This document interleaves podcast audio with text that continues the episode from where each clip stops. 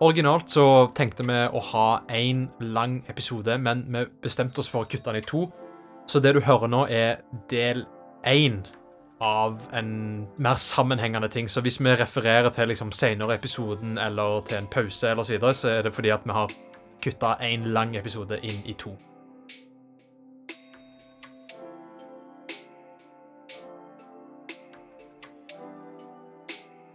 Hei og velkommen til episode to av vår serie Sosialismen 101.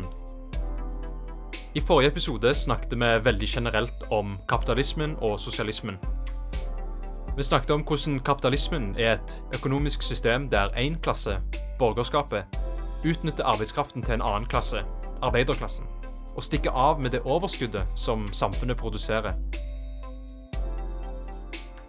For å opprettholde dette systemet, som åpenbart er bad for arbeiderklassen, som jo må gjøre alt arbeidet, så trenger borgerskapet en stat.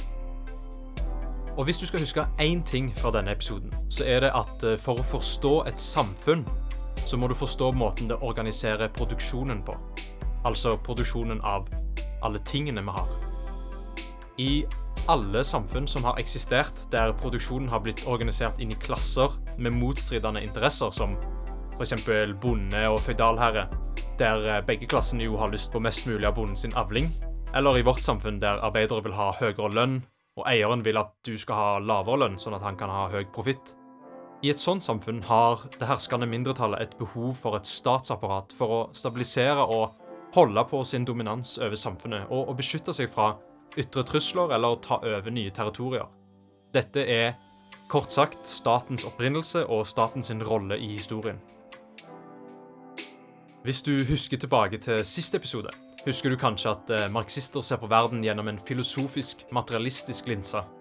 Det vil si at vi analyserer virkelige ting som faktisk eksisterer, og forholdene mellom disse tingene for å forstå verden. Dette er til forskjell fra liberalister og sosialdemokrater som analyserer verden gjennom idealer som frihet eller solidaritet eller hva enn det måtte være. Vi har vist i forrige episode hvordan dette førte til forskjellige syn på hva kapitalismen er. Og det vil òg vise seg igjen i ulike forståelser av staten. Måten samfunnet har organisert produksjonen på, vil med andre ord ha enormt mye å si for våre sosiale relasjoner, våre lover, normer, ideer osv. Og den kapitalistiske måten å organisere samfunnet på, med privat eierskap av produksjonsmidlene, produksjon i et marked for profitt og en arbeiderklasse som er nødt til å selge sin arbeidskraft som en vare, det er grunnlaget for eh, det samfunnet vi kjenner til i dag, nemlig det liberale og borgerlige Norge. I denne episoden skal vi se hvordan borgerskapet dominerer samfunnet, først og fremst gjennom at de eh, eier produksjonsmidlene og kontrollerer staten.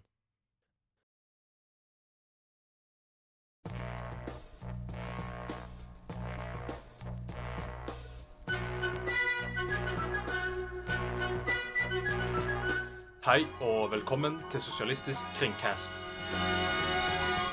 En kommunistisk podkast. Mitt navn er Lars. Og mitt navn er Jørgen. Og dagens episode skal handle om staten.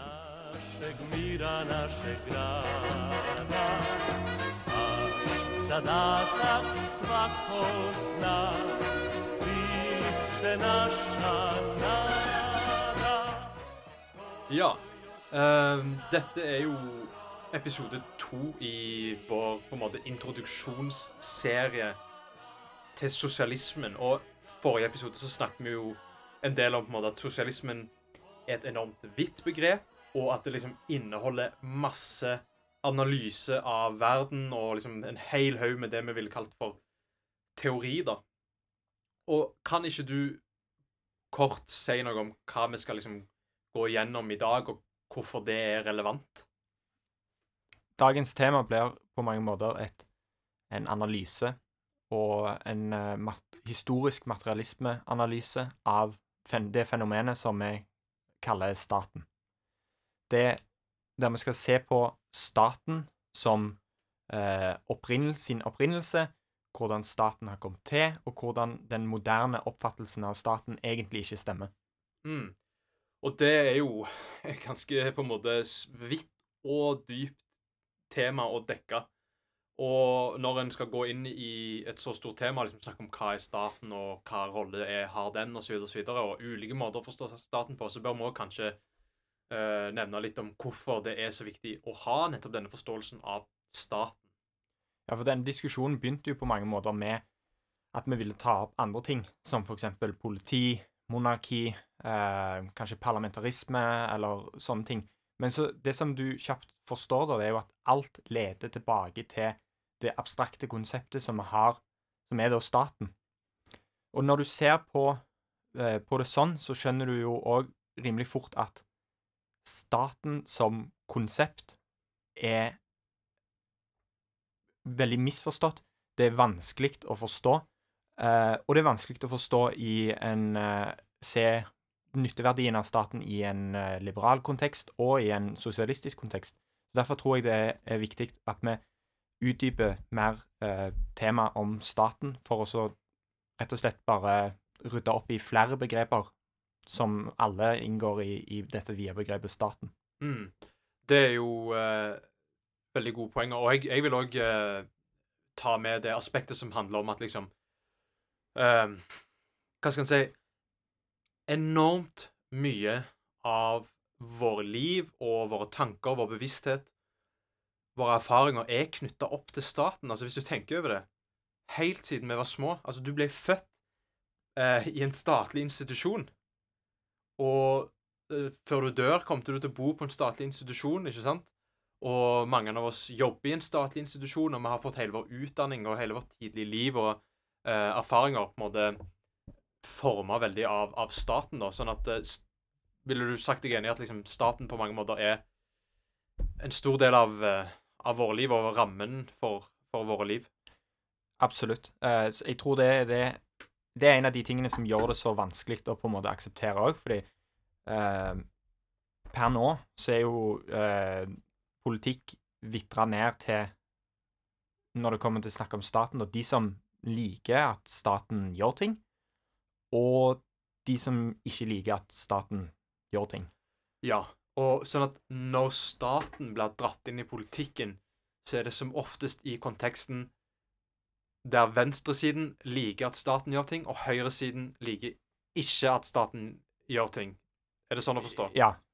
Og, ja, og det er jo på en måte den begrensa forståelsen du blir servert med. Høyrefolk liker ikke staten. Men som jeg, tror, som jeg tror vi kommer til å illustrere ganske godt i denne eh, episoden, er det at staten er til for at eh, borgerskapet og høyresida skal ha et apparat for å holde på makt. Ja. Og da betyr det egentlig Altså, hva skal en si Grunnen til at dette perspektivet er det perspektivet en får servert, er som du sier, at det er det politikk har blitt snevra inn til. Forståelsen for politikk eksisterer innenfor et liberalt rammeverk. og Det snakket vi om i episode nummer tre, hva det betyr å være liberal osv. Og, så og det har jo en tilknytning til kapitalismen. Sånn at den diskusjonen som foregår i media og på Stortinget om staten, den, der er det innforstått at staten er der og kommer alltid til å være der, men spørsmålet er hva, hva slags ting skal staten gjøre? Altså, det er, for, det er gjort for gitt at staten skal uh, gjøre en del oppgaver. Sant? Den skal, det skal være en regjering, og det er jo en del av staten, ikke sant? Og det ble jo veldig rart, kunstig å si at, at høyresiden er liksom imot en stor stat, for de liker jo militæret, politiet, eh, liksom departementene. De liker eh, Stortinget og sånne ting som så det. Så det er jo egentlig andre elementer av statens oppgaver som, som det egentlig eh, er snakk om der, da. Ja, det er hvis du, for eksempel hvis du følger amerikansk politikk, så er det jo den evige debatten om eh, republikanere som hele tida Ja, vi må ha en mindre stat. Altså, the, the government is too big. Uh, og så klarer ikke folk å, å, skjønne hvorfor hver gang de velger republikanere, at uh, liksom, staten vokser. Ansvaret til staten vokser òg, uh, bare ikke innenfor de områdene som på en måte hjelper folk, da, men f.eks. militæret blir større, politistyrker blir større. Mm. og det er jo denne her, hva skal jeg si, feil oppfatningen av, ja, sånn som du sa, hva staten er. Ja, og jeg tror Altså, det du er inne på der, er jo å si sånn at liksom Høyresiden har liksom en sånn en, på en måte sånn ideologisk aversjon mot at staten skal ta for mye ansvar, for de, de er jo for individuell frihet. Og det vi ser med en gang, som vi har snakket om i mange andre episoder nå, er at hvis du prøver å forstå verden gjennom sånne abstrakte ideer, så vil du fort møte på paradokser som f.eks. at hvorfor har det seg at stater alltid vokser, til og med under høyreregjeringer som sier at de vil kutte ned på staten? OK, jeg trodde de var for personlig frihet og bla, bla, bla, bla. Så det, det er jo et perspektiv som vi ikke bruker. Vi bruker det som du nevnte i begynnelsen, Jørgen, med historisk materialisme. Vi tar utgangspunkt i hvordan ting oppstår i historien, og hva de faktisk er. Så når vi snakker om staten, så er vi vant med å høre om abstrakte ideer. Og vi er vant med å høre om f.eks. sosial kontraktsteori. Og kanskje du sier litt om hva det går ut på, for jeg tenker det er et viktig perspektiv å ta med seg, fordi det er det utgangspunktet folk flest har for å forstå og kontekstualisere hvordan staten oppstår, og hva den er. Ja, den liberale forståelsen av hva staten er, er jo, som du sier, sosial kontrakt. Eh, staten er en sosial kontrakt mellom alle borgerne i den staten, der eh, vi er på en måte blitt enige om, dette er teorien, da, at for å få mest mulig ut av det felles, eh, felles eide og, og, og, trygghet, beskyttelse og alt sånt her, så har vi da inngått en sånn kontrakt på tvers av samfunnet eh, som da skal beskytte oss. Så i den måten å se ting på, så er staten der fordi den er på en måte Selv om den innskrenker min frihet og din frihet, så innskrenker han min frihet til å innskrenke din frihet. Ja. Sånn at den maksimerer paradoksalt nok liksom frihet for alle mm. og goder for alle. Sånn at vi har alle godt av å gå sammen og lage en stat, eller, eh, eller gi vår på en måte eh, samtykke til å bli styrt av en stat, fordi at det er til syvende og sist best for alle, selv om det tar vekk en liten eh, del av friheten vår. Ja, det, det, er sånn det er å, å forstå. Der det begynner å slå sprekker med en gang, er jo uh, OK, hvor er den? Altså, finn den kontrakten i, i naturen. Ja. Sånn at uh, du, Hvis du hadde kommet til meg og snakket om liksom, sosial kontraktsteori eller en eller annen liberal oppfatning av hvordan staten oppstår, og, og hva den er basert på, hva slags rolle den har, og, og hvor grensene til den er definert, så spør jeg deg ett spørsmål, og det er Er det sant? Nei. Det er ikke sant. Altså, hvis vi skal ha en, en historisk Og da kan vi snakke om liksom alle disipliner innenfor historie, liksom arkeologi, antropologi, vanlig historie, ikke sant? Alle måter vi, vi, har om å få kunnskap om hvordan ting har oppstått, forteller oss at staten aldri har, og egentlig da sannsynligvis aldri kommer til å oppstå som en sosial kontrakt, eller noe som egentlig ligner litt på den, disse liberale forståelsene.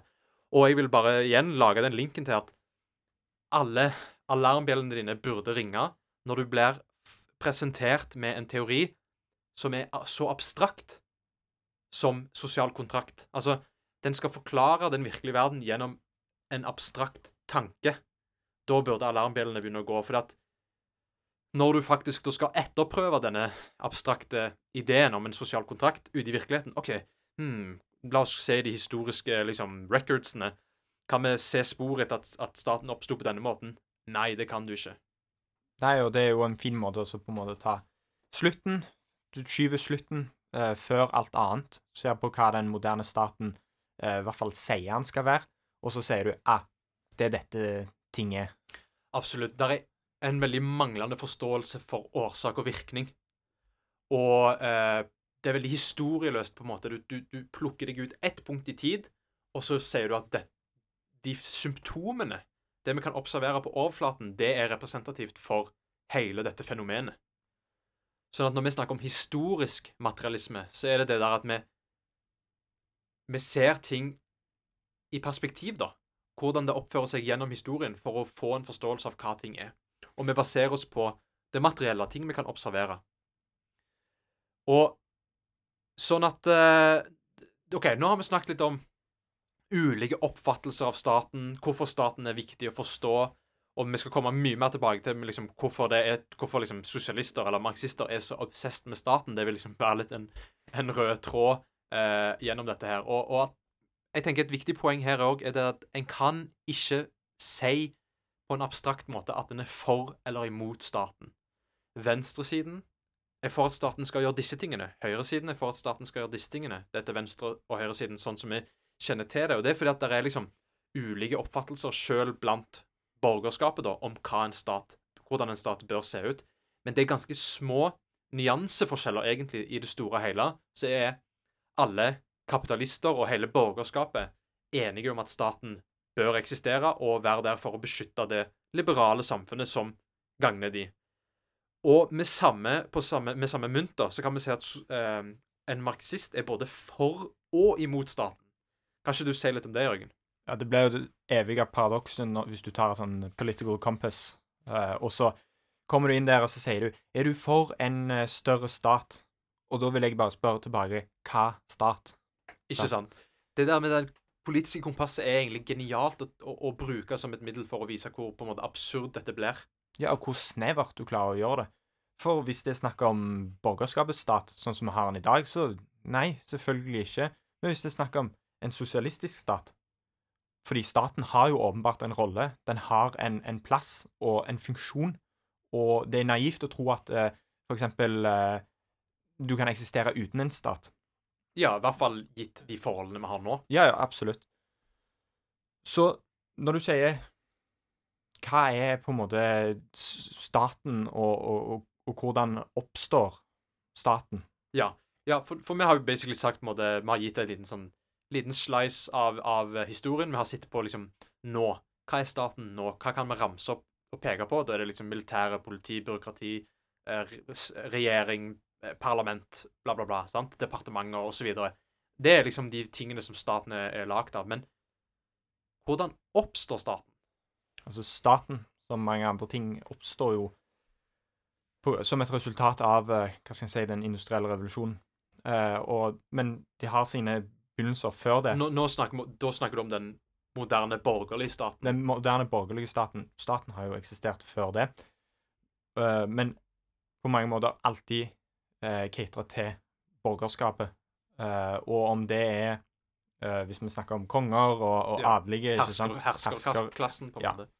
Og der har du enkle funksjoner, altså åpenbare funksjoner som et det som vi kan kalle et territorialt område, da, er nødt til å ha for å kunne beskytte seg. Det blir på en måte, det er det som blir staten. Mm. Så får du en fremvekst av eksempel eh, ja, sa helsetjenester som et, et, eksempel. Helsetjenester kommer fram, og da er det veldig sånn eh, Ja, dette var kanskje noe som ble kjempa for, eller noe sånt, men problemet med det er jo det at eh, du vet jo på en måte ikke hva hvis Altså, hvis du tenker på det fra statens side, så er det jo å ha et helsevesen genialt, fordi da har du friskere soldater. Mm. Så, så, på en måte paradoksalt nok Samme med skole. Ja.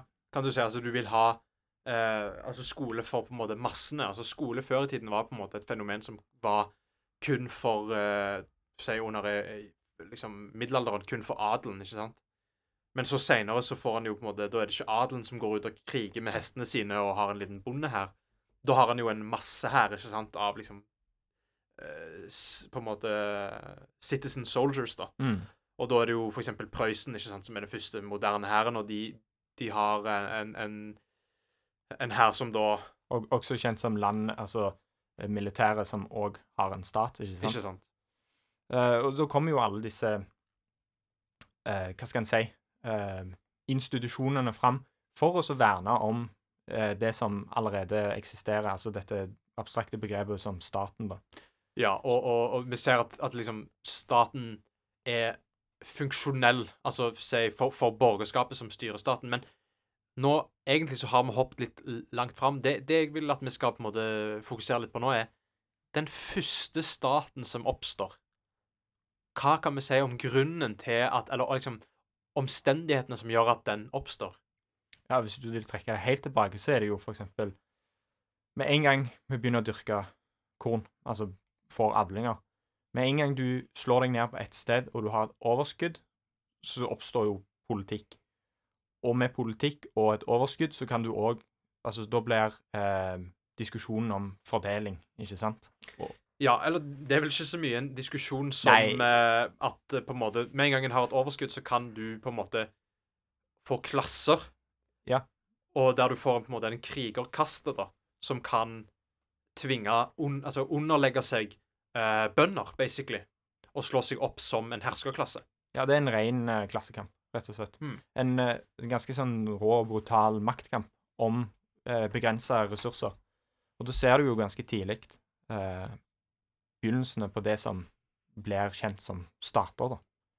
Som kan vel kunne være Mesopotamia, altså alle disse her. Mm, det er vel eh, en ti-ish tusen år siden så Mm. oppstår de første på en måte statene, og eh, Så, det, så det, det er liksom det Den kort fortalt historien om hva staten er, hva funksjonen har, og hvorfor den oppstår, er fordi at sånn som, som du sier, Jørgen, når, når folk slår seg ned og begynner å dyrke, så har han et overskudd som muliggjør staten. Før, og det skal vi snakke mer om etterpå, så, så kunne en bokstavelig talt ikke ha en stat. Og da var det ikke snakk om noe sosial kontrakt og bla, bla, bla. En kunne ikke ha en stat. Og når staten oppstår, så er det fordi at en har en gruppe mennesker som underlegger seg bønder. Og slår seg opp som konger og prester. Og da får han på en måte en tempel eh, da, eller, eller klasse, og, og på en måte en adel. Og det som er løye, er at eh, det sier litt om på en måte hvordan staten ønsker å framstille seg selv som veldig sånn evig og nøytral. Det første beviset vi har på på en måte en konge i arkeologien, er en fyr i Mesopotamia, tror jeg, eller i hvert fall i, i Midtøsten, som, eh, som sier at han er konge, og hevder at han stammer fra liksom en tusen år gammel slekt av konger som alltid har vært konger over det området. Og det er den første kongen i historien. Ja. Sier at, han alltid, at de har alltid vært konger der. Så um, en del av staten Så staten er basically da en væpna gruppe Altså en væpna gruppe menn som underlegger seg et område og utnytter en arb de arbeidende klassene. Og bruker da en herskerideologi for å backe opp det militære egentlig militære kontrollen de har over det området. Ja. Det er en måte å underlegge seg eh, ressurser og kontroll, og det kan ikke Legg merke til dette. Det kan ikke skje uten utnyttelse av andre klasser. Mm. I vårt samfunn så er det jo Altså, jeg vil i hvert fall poengtere det om igjen og om igjen at gjennom episoden kommer jeg til å se det om igjen at liksom en stat er alltid knytta til én klasse. Og den må være det. For at staten er instrumentet til en klasse. Det ser vi i historien. Vi ser det i antikken. eh, og vi ser det i, i middelalderen, ikke sant? over staten tilhørte adelen. Nå tilhører staten eh, borgerskapet. Men, og det kan virke veldig rart å si når vi på en måte har et formelt demokrati. Hvordan kan staten, som da er styrt av parlamentet, i hvert fall i teorien, hvordan kan den tilhøre én klasse? Altså, borgerskapet har jo åpenbart mye makt fordi de kontrollerer produksjonsmidlene, økonomien osv. Men hvordan, på hvilken måte er staten deres apparat, og, og har det noe hold i historien?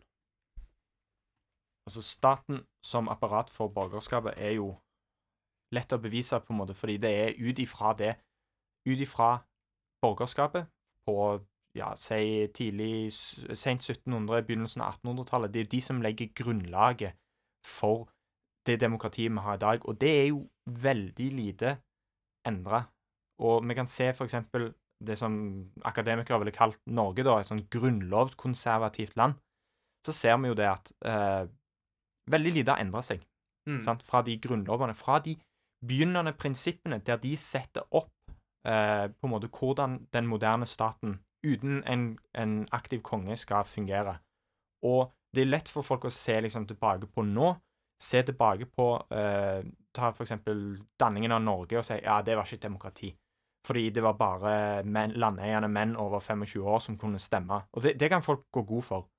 Eh, det de ikke klarer å på en måte trekke den parallellen lenger, er jo til det at alle de failsafesene, alle de måtene ting blir øh, øh, Måtene folk blir valgt på og sånn, veldig lite av det er endra. Media, Media, for eksempel. Ja. skolegangen. Systematisk så er det fortsatt masse forskjellige institusjoner og mekanismer som gjør det nærmest umulig å endre. Uh, jeg minnes en, en, en dokumentar, men jeg kan ikke ta igjen hvilken det er. Men der det er en fyr som snakker om eh, lovendringer i USA. Så sier han prosessen er designa for å være langdryge og tunge, vanskelige. Mm. Her skal det ikke skje noe fort. Og så OK, det du er inne på der Basically, dette, Det er på en måte et historisk fakta som vi alle lærer på skolen. Det var bokstavelig talt borgerskapet som lagde staten Norge. Ja. Det er Ja. fakta, liksom. Ja, det er fakta. Gå inn på Wikipedia-artikkelen. Se, der er det lista opp det alle yrkene til de som var Eidsvoll-mennene. De grunn, altså grunnleggende ja, Grunnlovsfedrene våre, da, hvis du kan kalle det det. OK, så Og her er det da her har vi Nå skal jeg bare liste opp liksom uh, yrkene til forskjellige folk her. Da har du forretningsmann, embetsmann, bonde. Og når det står bonde her, da, så er det ikke snakk om liksom Egentlig en bonde, da. Det er en fyr som eier jord, ikke sant? Det er en storbonde, for å si det sånn. Ja, her, Han var bonde. Det er snakk om en av Eidsvoll-mennene her, Christian Christensen Kollerud. Han var bonde, men eide flere gårder og drev sagbruk. Um, Så han er, så han er det, vil, det vi ville kalt en forretningsmann, da. så ja, storbonde, forretningsmann osv. Så, videre. så det er den type bonde det er snakk om her. Du kan se på portrettene deres at det var, dette er en staselig kar med en medalje på, på brystet og kravatt og liksom i det hele tatt en romersk nase. Her har vi forretningsmann, embetsmann, bonde, offiser, offiser, offiser, lege, offiser, soldat, embetsmann, forretningsmann, forretningsmann, prest, embetsmann, prest, bonde, embetsmann, prest, bonde, offiser, soldat, prest. Og til og med noen av disse soldatene er, er ikke, det er ikke sånn småkårsfolk heller. Sønner av embetsmenn eller sønner av rike folk og, og så videre. Videre forretningsmann, embetsmann, bonde, embetsmann, embetsmann, prest, forretningsmann, embetsmann, prest, bonde, forretningsmann, og så videre. Det er, alle, det er bokstavelig talt alle yrkene som er, som er representert her. Der er ikke der er, Jeg tror ikke det er en Kanskje det er én Nei, jeg tror ikke det er en eneste arbeider til stede. Nei, nei, nei. nei Og ikke noen egentlige bønder eller fiskere heller. Nei, nei. Og det er, jo da, det er jo da det blir så åpenbart at dette er, dette er borgerskapet som samles, og da forkaster det gamle. Det har vi snakket om tidligere, hvordan, eh, på en måte eh, det framvoksende borgerskapet presser ut adelen og blir den nye herskende klassen. Og dette er jo bokstavelig talt en del av problematikken som denne komiteen for borgerskapet, som da Eidsvoll på en måte eh, Sesjonene var, da. Og, og det er jo en, det er en komité for borgerskapet der det handler om å løse de eh, på en måte den problematikken som de som klasse står ovenfor. For eksempel, skal vi være i union, eller skal vi være selvstendige? Og, og, og de løser dette på sine premisser, da. Og uh, på en måte på grunn av at de uh, distanserer seg fra De distanserer seg fra adelen, og da ser vi jo det at eh, de kan ikke f.eks. hente sin makt fra Gud eh, eller religiøse institusjoner, sant? så de må på en måte hente det fra sånn pseudodemokratiske prosesser, ikke sant? Ja. veldig sudo. Ja. og, men en annen ting de gjør, er jo at de henter det fra nasjonalisme. Mm. Sant? Vi er alle en del av ett. liksom sånn, Enige og tro evig og, Eller enig og tro til Dovre faller, osv. Med alle nordmenn og sånt. Der kan jeg se liksom Begynnelsen av den eh, på en måte nasjonalromantikken handler om at borgerskapet vil hevde sin uh, rett til å styre over Norge, da. Med å basically si at vi, vi er en nasjon, da. Som har mye til felles, til tross for at eh, det er oss borgerskapet som skal styre. Så styrer vi på vegne av alle, fordi vi har noe til felles, og det er at vi er nordmenn. Ehm, og de har masse andre problemer som de er nødt til å løse. sant? Eh, monetærpolitikken, skattepolitikken osv. osv. Og så er det jo et spørsmål som de alle har til felles, da, borgerskapet, og som er en problematikk, nemlig liksom the common people. Hva skal vi gjøre med de? Jo, vi sørger for at de ikke kan delta med å ha ehm, eh, skjønn, alder, men, ikke, altså, men aller, aller viktigst et eh, eiendomskrav for stemmerett. Og det ser vi jo at sant, her kan vi, vi kan eh, sammenligne to måter å se på liksom, den norske staten på. Vi kan se det historisk. Der kan vi se. Den er bokstavelig talt oppretta av og for borgerskapet, der de aktivt går inn for å ekskludere andre folk, andre klasser. Eller du kan se at dette var begynnelsen på den norske staten og det norske demokratiet, som er liksom et forsøk på å skape en link som aldri eksisterer, der det er en gradvis sånn utvikling av eh, liksom e- e- et frø som spirer til et fullstendig norsk demokrati. Men det var jo noe helt annet. En helt annen prosess som sørget for at vi fikk et skinn av demokrati i Norge. Ja, og det er jo takket være arbeiderbevegelsen. Industrialiseringen fortsatte jo her til lands. Det gjør jo at du får bare mer og mer arbeidere. Og det Alt det, alt det arbeidet, alt det de har jobbet for, og sånn, er jo det at de vil ha mer rettigheter. Og det er ikke noe som de har kunnet gått i noen konsesjoner eller hatt noen møter om. Det er ting som de har måttet kjempe for. Streike. Dødd. Blødd for. Mm. Meldt seg inn i partier og streika og, og, og hele pakken. Og, og liksom Der kan vi se den historiske materialismen. At Norge er ikke bygd på en idé. Norge er først og fremst Staten Norge er lagd av et konkret borgerskap som har sine materielle interesser, og forma gjennom kampen mellom den klassen, borgerskapet, og arbeiderklassen. Hva, hva for et bilde av historien, hvilken teori av å forstå historien og forstå samfunnet er mest historisk korrekt? Jeg syns jo at det ligner mest på det som Marx maler, det bildet Marx maler med den historiske materialismen.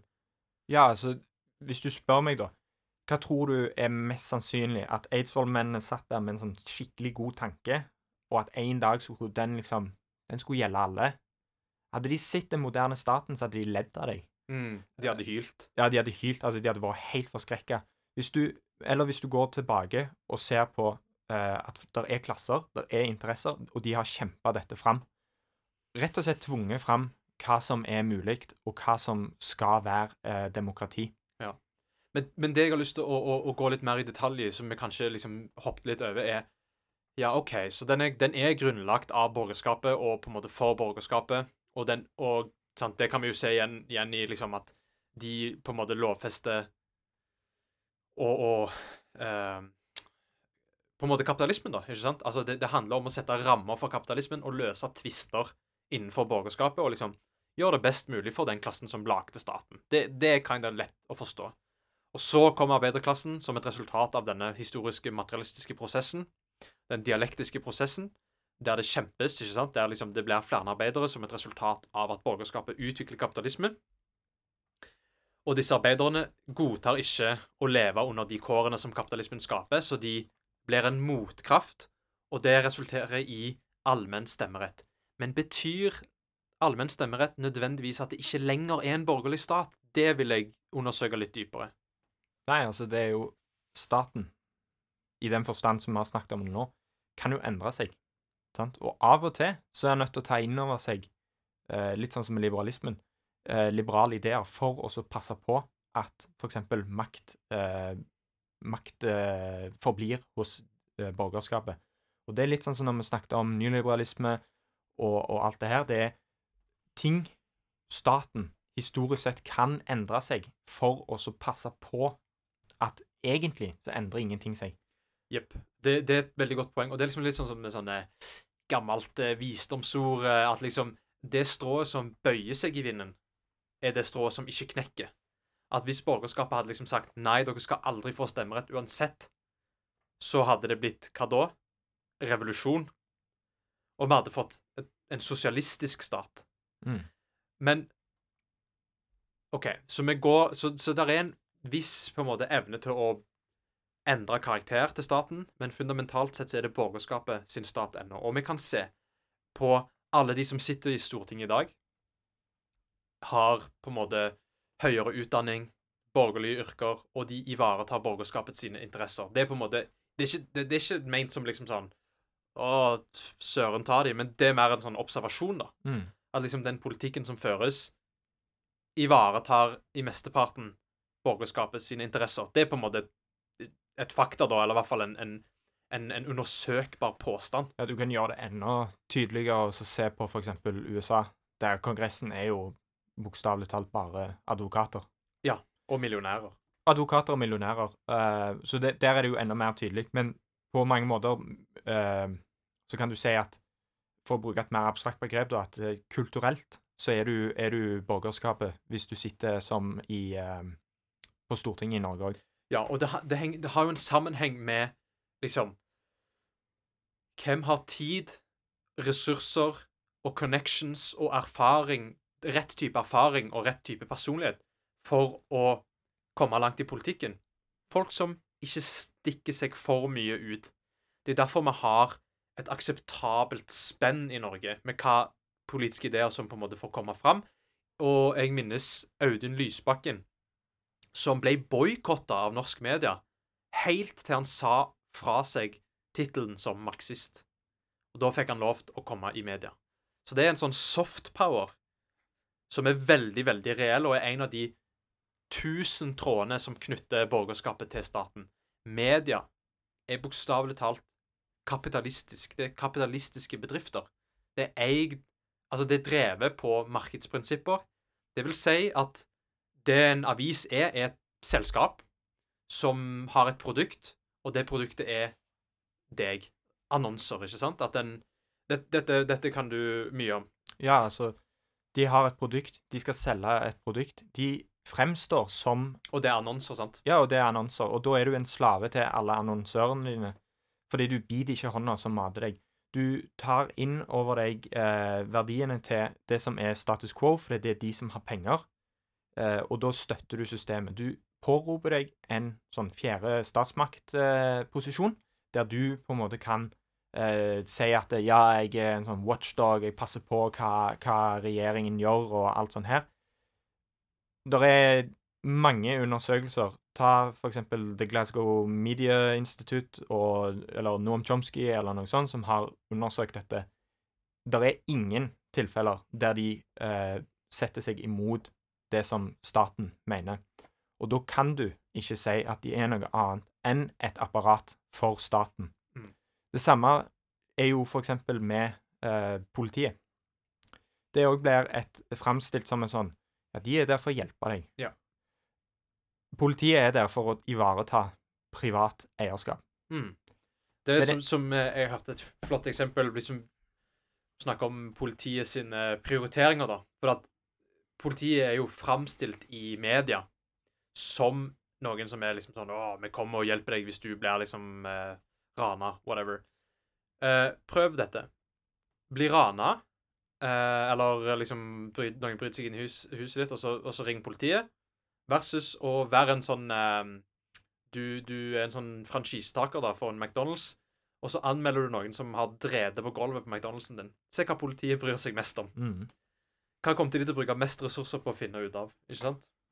Ja, det er jo å finne han som har drevet på gulvet. Fordi det går utover en bedrift, det går utover borgerskapet, og det, er det er derfor de er der, basically. Ja, bare se hvor mye tid de bruker på f.eks. å følge etter sånne små vinningskriminalitetssaker. Mm. Og da er det ikke noen som stjeler fra hagen din. Da er det jo hvis de stjeler fra en butikk. Da er det plutselig veldig viktig å finne ut av hva dette er. Ja, de driter egentlig i det mesteparten av kriminalitet som rammer på en måte vanlige folk, da. Mm. De er nok helst der for å I det scenarioet der på en måte ting begynner å bli litt mer oppheta i samfunnet, og vi begynner å få masse ulovlige, såkalt ulovlige streiker, eh, faktiske streiker, som er utenfor statens kontroll og statens eh, prinsipper, ikke sant? Der vanlige folk begynner å si vent litt, nå vil jeg hevde mine interesser over staten. Da kommer politiet, og hva gjør politiet? Da er det fram med, med batongene og, og så videre. Tåregassen og Ja. Og det ser vi jo verden over, og historisk sett, bokstavelig talt, de første politidistriktene som ble lagd i England, bokstavelig talt og bevisst på papiret ble oppretta for å kontrollere arbeidere og bryte streiker. Ja, å bryte streiker, ikke bare det, men, men jeg tror de, de uh, tidlige folka i England hadde et mye mer edruelig forhold til hva faktisk politiet var. For de sa jo dette er en stående her for å, å, å, å ta engelskmenn, ikke sant? Og det er, et sånn, det er jo et sånn liberalt prinsipp, og her kan vi se igjen hvor, hvor, hvor langt prinsipper tar deg. Et liberalt prinsipp er at en ikke skal sette inn hæren mot sin egen befolkning.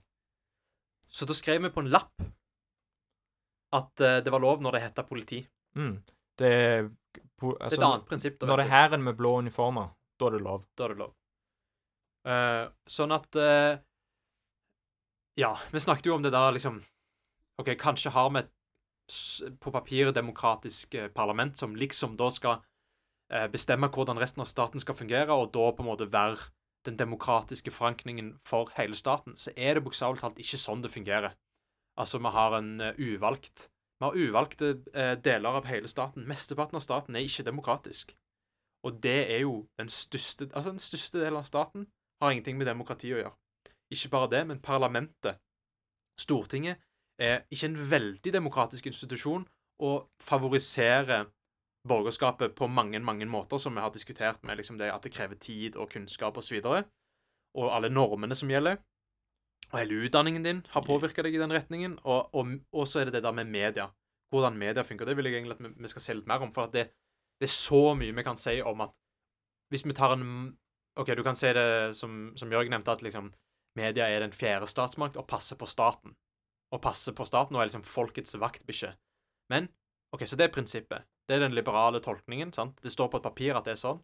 Ok, Men så tar vi en materiell, en marxistisk analyse og ser hvordan oppfører de seg i virkeligheten. Hvordan kan vi måle målbare vitenskapelige størrelser? Så ser vi at media konsekvent er stenografer for borgerskapet. Det er Det med reklame i media og med investorer og sånn, det tror jeg er den største Det vil jeg påstå er det største problemet med media. Du har eiere av en avis, og hvis du tror Bare tenk deg til ditt eget arbeidsforhold.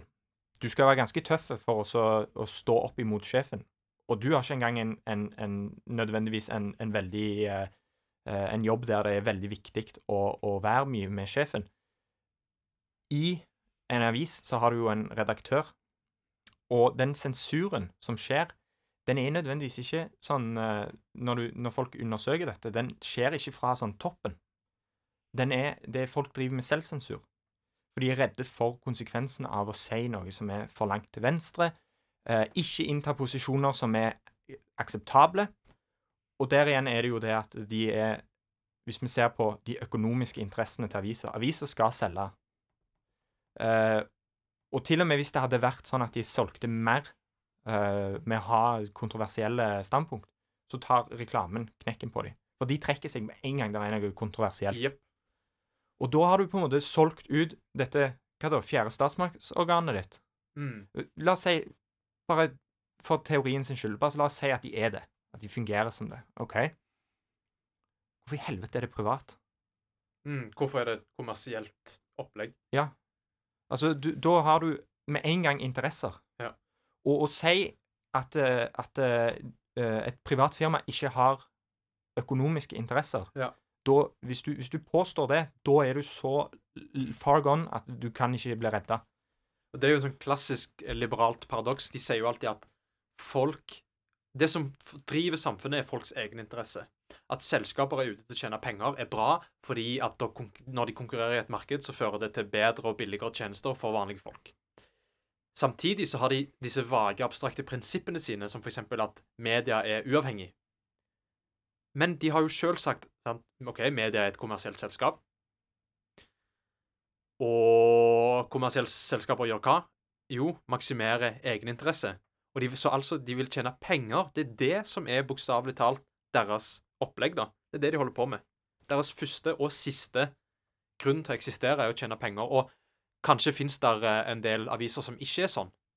Men hva skjer med deres opplag og sirkulasjon og, og utbredelse? Jo, de blir utkonkurrert av de avisene som får den sirkulasjonen, som er konkurransedyktige i et marked. Og da en, for å være det, så er en nødt å ha annonseinntekter, og da må en Ja, en må gjøre som annonsørene vil. En, må, en kan ikke innta for venstreorienterte standpunkt. Det fins mikroaviser som gjør det, og de er mikroaviser av den grunn. Ja, absolutt. OK. Så nå har vi snakket om liksom hva staten er, hvordan den har oppstått, hva slags funksjoner han har, hvordan han oppfører seg, ulike syn på staten, og hvordan staten ennå til den dag i dag, gjennom tusen usynlige tråder, fortsatt er knytta til borgerskapet. Vi har ikke nevnt i nærheten av alle mekanismene som knytter staten til borgerskap ennå, men vi har nevnt kanskje noen av de viktigste. Og når vi kommer tilbake fra denne pausen, så skal vi snakke mer om den sosialistiske staten, arbeider- og bondestaten, som eh, vi vil skal erstatte den borgerlige staten som eksisterer nå. Hva, hva er forskjellen på de to, og så videre.